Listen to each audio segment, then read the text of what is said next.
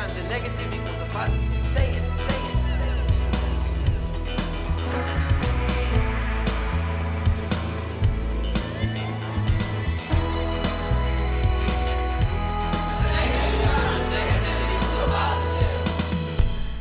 Hej och välkomna till podcasten Anpassa skolan med Jimmy och Cissi.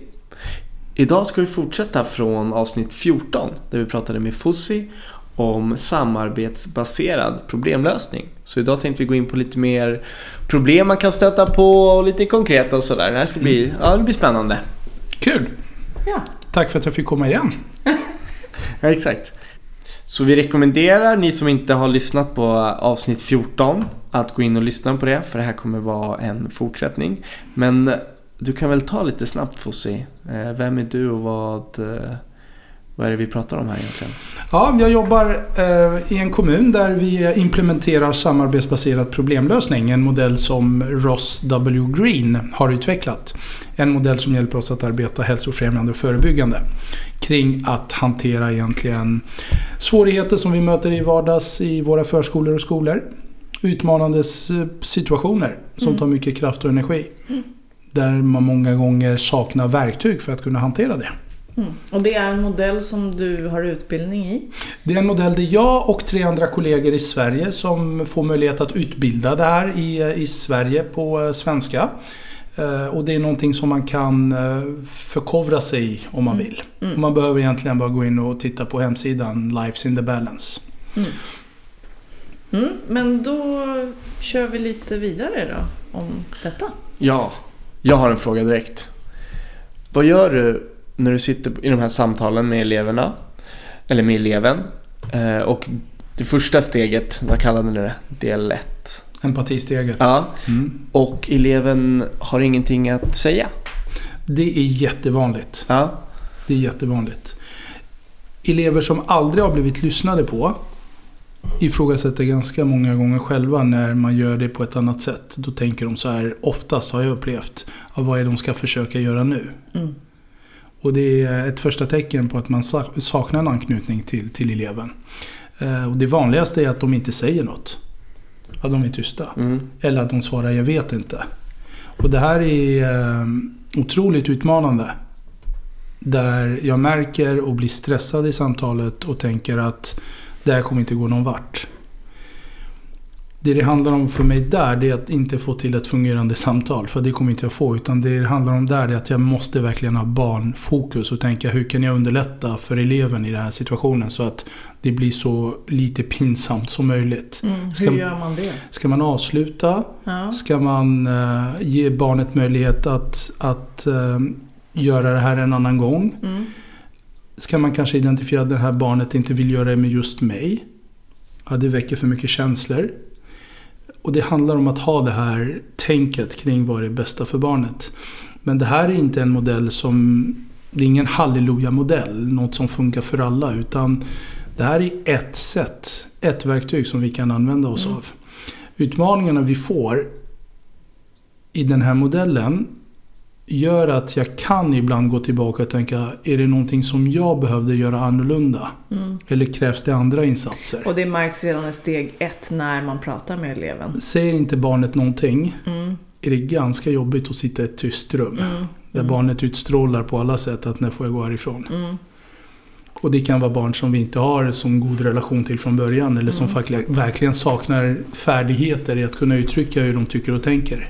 Hur ska man göra då, då? Tänker du att man tar hjälp av någon annan kollega? Eller som du sa, man avslutar samtalet, tar det vid ett annat tillfälle? Jag hade en sån situation där jag satt, tror jag, tre, fyra olika tillfällen och där Mm. vi bara satt tysta och Mm. barnet inte sa något. Mm. Och där vi hade, jag hade ett olöst problem. Men jag fick inte ut ett ord från eleven. Och då förstod jag att det olösta problemet var orelevant för eleven. Så då ställde jag en annan fråga. Pelle, jag märker att du har svårt att prata med mig Fossi. Mm. För då behövde jag jobba på relationen i fråga. Mm. Klart som fan att jag har, sa han. Då började han prata. Mm. Så du har bara identifierat att här har vi ett problem tillsammans? Yes. Mm. Och det var inte det att barnet inte kunde prata utan det var det att jag hade fokuserat på ett problem som eleven inte brydde sig om överhuvudtaget. Mm. Och då kan man ju gå tillbaka till det du pratade om, kartläggning, att egentligen måste man ju ha koll på, är det här ett problem jag själv har? Eh, Eller är det så att, det, ja, att man jobbar tillsammans med det först? Exakt. Och det måste man kanske vara lite smart att göra eh, väl innan man sätter sig med barnet också. Och sen vara ödmjuk och veta att ibland kan det gå fel. ja. Och, och ett samtal där ett barn inte har för, stunden kunnandet att prata med en, det, det måste jag respektera. Mm. Och det är ingenting som jag får forcera på något sätt. Liksom. Ja, jag tänker vi har ju också haft elever som eh, till exempel har selektiv mutism. Då vet ju jag att när jag har haft liknande sådana här samtal så har ju eleven skrivit svaren. Mm. Det är ju ett knep. Om man inte vill sitta och prata. Man tycker det är jobbigt om någon sitter och tittar på en. Man kan jobba med tecken. Ja. Man kan jobba med skala 1 till 5. Mm. Om du tycker att mitt påstående stämmer så tar du fram en femma med händerna. Om du tycker inte att det stämmer gör du ett. Mm. Och helt plötsligt så erbjuder jag ett annat sätt att kommunicera. Man kan ha bildstöd. Mm. Där man har en glad gubbe, en ledsen gubbe och en, Mm. ett frågetecken. Mm. Man kan jobba med ganska många olika typer av kommunikationskanaler Mm. tillsammans med barnet, Mm. eleven. Det är jätteviktigt. Vi har en stor andel flickor som vi tror fungerar någorlunda bra i skolan då de inte tar plats. Men som har lika stora behov av att få sina åsikter hörda. Men vi har sällan tid för dem. Mm. Och eh, vi har många elever som har svårighet att bekräfta hur de känner. Då kan man verkligen använda bildstöd. På alla sätt. Ja. Och det är ett sätt som man utvecklar tillsammans med barnet och ser Mm. hur kan du och jag kommunicera bäst så att du upplever dig bekväm i samtalet och jag får fram din åsikt. Mm. Så att allt handlar inte om, om språk. Nej, Utan, utan man kan verkligen göra det på olika sätt. Och det, jag, jag är ödmjuk igen. Det finns gånger där det inte fungerar. Där, Mm. där vi prickar fel. Eller där kanske barnet har större svårigheter än vad vi själva kan hjälpa med ett vanligt samtal. Där Mm. det kanske behövs terapeutisk hjälp eller samtal med kuratorer och sånt där. Men då har jag i alla fall säkerställt att jag har försökt få till ett neutralt samtal med barnet. Mm. Och, eh, och, och försökt skapa den här goda relationen. Mm. För att försöka förstå svårigheterna. Mm. Så det är ändå ehm, lite utav en förutsättning att man har någon typ av relation och gärna en god relation med eleven eller Självklart hjälper det. ja. Framförallt när det är frågeställningar som kanske barnet inte ens har reflekterat över. Mm. Mm. Och där de behöver ha tid. Och där, där krävs det en trygg miljö. Men jag skulle vilja påstå att det är viktigt att man, att man har det här samspelet i samtalet. Så att man märker att just nu går det inte att få till ett samtal. Och då får man avsluta det. Mm. Mm. Det är inget krav på det sättet. Mm. Tänker jag. Det som kan vara svårt är att man jobbar med kollegor som inte har det förhållningssättet. Hur gör att, man då? då? Att de, de eh, lösningarna som jag hittat tillsammans med barnet är lösningar som pedagogen har svårt att ta till sig. Fast att pedagogen sitter i samtalet. Det som kan vara svårt är att jag märker att jag blir motarbetad av en kollega som jobbar på ett helt annat sätt än vad jag gör. Mm. Mm. Och där jag kanske tycker att jag gör fel. Och, och Ross uppmaning i, i de fallen är att vi ska inte försöka förändra människor som inte kan för tillfället. Utan i, det är en process som jag inte kan påverka. Jag kan inte påverka att en lärare vägrar följa att en elev kan komma sent utan att de stänger igen sin dörr så fort lektionen börjar. Och att eleven får vänta en kvart efter att, eh, efter att jag är klar med genomgången. Och just den eleven kanske behöver få möjlighet att komma lite sent. Mm. Och behöver ha en, en pedagog som har förståelse för, för det behovet. Så att man, man kan motarbeta varandra som vuxna. Mm. Och, och det är en svårighet och det väcker ganska mycket. Ja, det blir ju en utmaning på många nivåer, tänker jag. Det blir det, men där, där handlar det om att välja sina krig på rätt sätt. Och, och märker jag att jag har en kollega som inte alls egentligen har köpt förhållningssättet från början, då tänker jag att det inte är mitt uppdrag att försöka förändra det.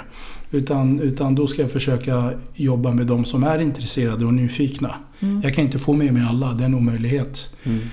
Och, och för vissa så kanske det inte går. Och Det får man respektera. Mm.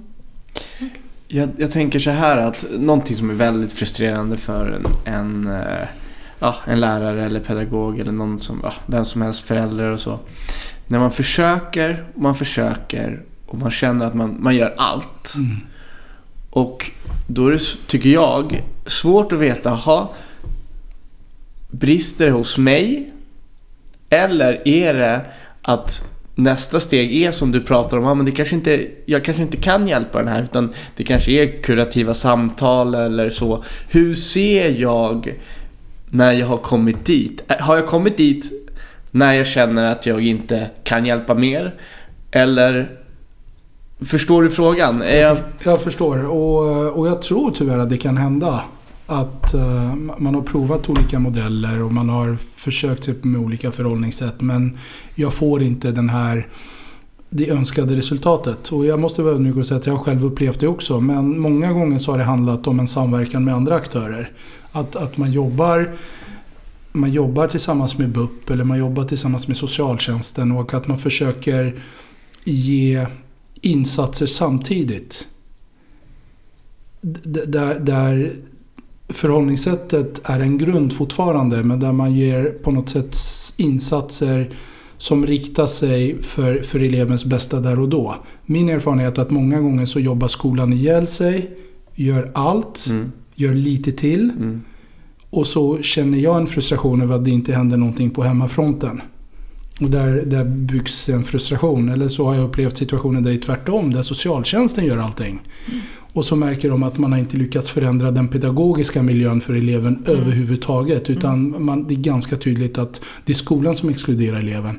Så att no, några gånger har jag själv känt att eh, behov av samverkan är A och O. Men, men då har jag i alla fall kunnat säga att jag har säkerställt att få elevens röst.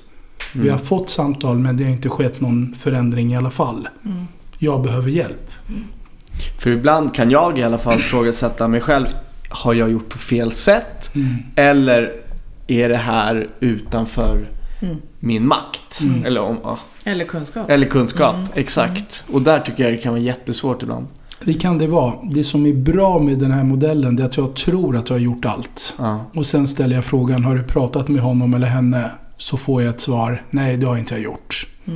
Mm. För att hon vill inte prata eller hon är hemmasittare, hon är aldrig här. Eller, och det är där de pedagogiska, den pedagogiska inställningen måste komma in. Hur kan jag ta kontakt med det här barnet? Mm. Ett samtal behöver inte sitta att jag sitter öga mot öga. Kan jag använda mig av Skype? Mm. Kan jag skicka ett sms? Kan jag, kan jag säkerställa att barnet till exempel i en hemmasittarsituation märker att det finns en vuxen som, som saknar honom eller henne? Mm. Eh, och, och det samtalet kan man ha även om man inte sitter fysiskt i ett rum. Mm. Så att jag tror att de här samtalen kan man ha på massvis med olika sätt. Mm. Många fastnar Jimmy att det här är inte skolans roll. Mm, exakt, Och det. många fastnar i att det här är inte socialtjänstens roll. Och Mm. den här gråa zonen mellan skola och socialtjänsten har blivit jättestort. Men jag tänker att vi kan fortfarande säkerställa en, en kontakt, en dialog. Eh, en förståelse över hur har du det idag? Mm. Jag vet att du är hemma men jag vill Mm. bara säga att jag tänker på dig. Mm. Och för mig är det ett plan B-samtal. Att jag, att jag har det förhållningssättet i mig som pedagog för, Mm. att, för att göra det jag kan. Sen kommer det säkert inte leda till att barnet kommer tillbaks till skolan på något sätt. Men då har jag egentligen gjort det jag ska. Ja, och jag vill flika in där då en grej som jag tycker är jätteviktig när du pratar om det här. Det är ju att man kan ju alltid be om en SIP. Ett SIP-möte och det är precis det du pratar om. Mm. Upplever jag som pedagog att jag behöver ett samarbete Berätta gärna vad ett SIP-möte är för våra lyssnare. Ja, precis. Jo, men det är ju det här samordnad individuell plan. Och det är Mm. väl precis det vi pratar om. Fast då gäller det BUP, socialtjänsten, skolan, läkare Mm. och så. Mm. Och det är precis det du är Mm. ute efter. Mm. Märker man att det är för stort glapp om man har en elev som är kopplad till flera instanser, be om ett SIP-möte. Mm. Mm. Men vi måste ändå vara ödmjuka och veta att vi har gjort rätt steg innan. Jag har Mm. sett många exempel där jag springer till min skolledare och säger nu vill jag att Pelle blir placerad i en liten grupp. Men arbetet innan är inte gjort. Jag har liksom aktivt exkluderat utan att vara medveten om det Pelle från mitt klassrum. Säkerställ delaktighet och inflytande. Har du ingen bra dialog med barnet, det kan bero på din förmåga att kommunicera. Använd dig gärna av det här verktyget. Gör det. Jag trodde själv att jag gjorde det tidigare innan jag påbörjade det här. Jag inser ganska mycket nu att jag gjorde inte det. Nej. Jag trodde att jag var bra. Jag kan hela tiden komma till insikter i att hur kan jag förbättra min dialogkompetens för att kunna nå fler elever. Mm. Och du ser den här modellen som ett verktyg. Det är ett verktyg som kan hjälpa mig i den processen. Och förhållandevis enkelt, som du sa. Att det är enkelt att lära sig, materialet finns.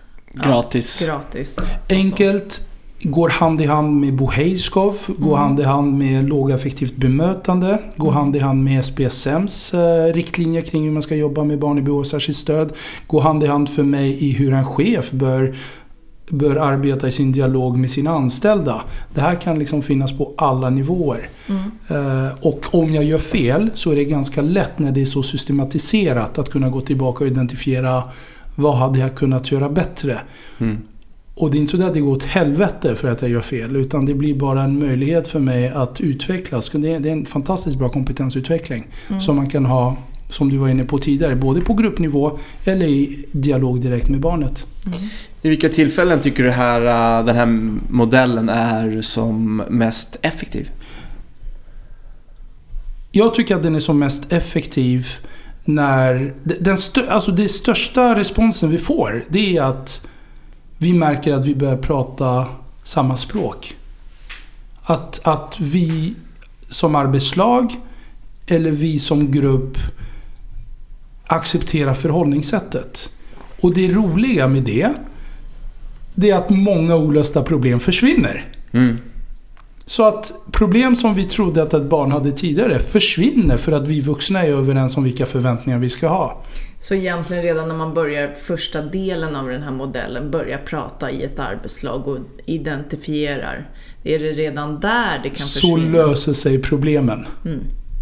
Och det är de problemen som vi själva har skapat. Mm. Det Det är är, det, som väl är, väldigt intressant ändå. det är det som är det roliga. Och vilket är förhållningssättet? Förhållningssättet är att barn gör rätt om de kan.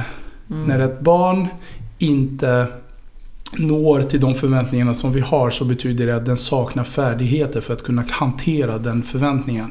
Och antingen sänker jag mina förväntningar eller så har jag en dialog med barnet och frågar hur ska vi göra för att du ska kunna nå upp dit. Och bara för att jag går i årskurs 6 så betyder inte det att alla barn i årskurs 6 har samma färdigheter. Vissa ligger jättelågt, ligger flera år efter, vilket är en utmaning för mig som lärare. Medan andra ligger jättelångt före. Att få till det är inte enkelt. Men har jag en plan, har jag ett sätt att arbeta där jag vet hela tiden att jag utvecklar de här färdigheterna. Det står inte still. Det går inte tillbaks heller. Då ger det ett resultat. Mm.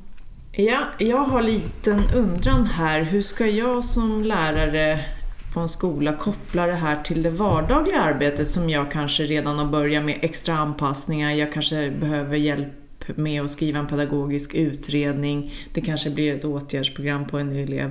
Hur kan jag koppla in det här, den här modellen i det? Mm, det är intressant. Eh, många gånger när man går in med sådana här uh, utbildningsinsatser så sker de parallellt med, med skolans övriga arbete. Vilket är jättefrustrerande och det tar massa tid och jag hinner inte med det jag ska göra och sen rinner ut i sanden. Så som vi försöker jobba är att använda sig av den informationen som vi får för att använda oss det i, i skolans dokument. Och det vi, de framgångsrika exempel är när man har haft ett plan B-samtal så har man fått in elevens röst. Och elevens röst måste man ha i en pedagogisk utredning. Och många gånger så står det vad eleven har för svårigheter, vad tycker läraren behöver göra, men man saknar vem har pratat med eleven. Så att genom att göra en kartläggning, en ALSUP, så och få in de här olösta problemen som man tar med barnet. Det är en jättebra grund till dokumentation för att få till i en pedagogisk utredning. Ja, för då får man faktiskt, för i vissa sådana dokument som jag har jobbat med så står det ju elevens syn på saken och då har jag det gratis om jag redan har gjort det här. Exakt. Ja. Där tänker jag ofta, när det står elevens syn på saken, blir det inte ofta då att läraren skriver, eller den personen som skriver den här pedagogiska utredningen, vad den tror är elevens syn på saker. Ja, det beror ju på hur man gör. För enligt skollagen så är det ju, du ska ju, eleven ska ju säga det. Du ska ju skriva exakt vad eleven säger. Mm. Så det beror ju på hur man har tolkat en pedagogisk utredning. Men du ska ju skriva det, vad eleven säger. Så vi ska prata med eleven. Ja. Bra. Och när vi gör det, de lösningar som vi får är en jättebra grund till extra anpassningar.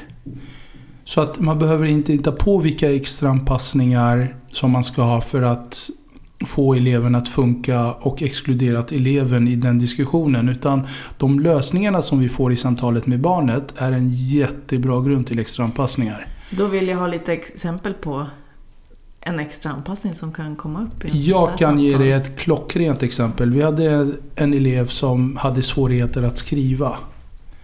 Och vi försökte med allt. Vi försökte med data, vi försökte med iPad, vi försökte få honom att skriva med papper och penna. Han kunde inte skriva. Vi anpassade och överanpassade. Så det var helt galet. En klok kollega frågade, ska vi göra ett plan B-samtal?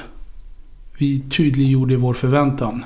Vi märker att du har svårt att skriva med papper och penna. Berätta. Då berättade han att han tyckte att lätet, känslan på pappret när han skrev, var så obe- obehagligt så att han kunde inte hålla i en penna och skriva för att det, han fick rusningar i hela kroppen. Hans lösning var om man kunde sitta och skriva med en handske. Mm. Då hade man extra anpassningen där. Vi utvärderade det. Han skrev som aldrig förr. Mm. Så att en extra anpassning i det här fallet var att tillåta den här eleven sitta med en handske när han skulle skriva på papper och penna för att inte få den här obehagliga känslan. Mm. Och när jag tänker många gånger extra anpassning då tänker jag handlingar som de ska vara så svåra och det, det, det ska vara så invecklat och det ska in i systemet. Här var det en anpassning som han själv kom på. Mm. Som jag absolut inte såg som en anpassning tidigare. Och som var en klockren lösning på Mm. ett problem. Mm. Han hade inte svårt att skriva. Han tyckte att det var obehagligt att få Mm. den här känslan på pappret. Mm. Det är ett klockrent exempel på Mm, vad en mm. extra anpassning skulle kunna vara. Mm. En annan sak som jag funderar över är hur kan vi koppla in det här i elevhälsan och arbetet där? EHT tänker du på eller? Ja, precis. Mm. Eller EST som det heter också. Eller ESD, EHM, Mm, Ja. exakt. olika begrepp. Ja. Chattbarn. Det är några verksamheter som har aktivt, systematiskt arbetat att inte lyfta ett barn på ett EHT-möte om man inte hade gjort en kartläggning och haft samtal med barnet.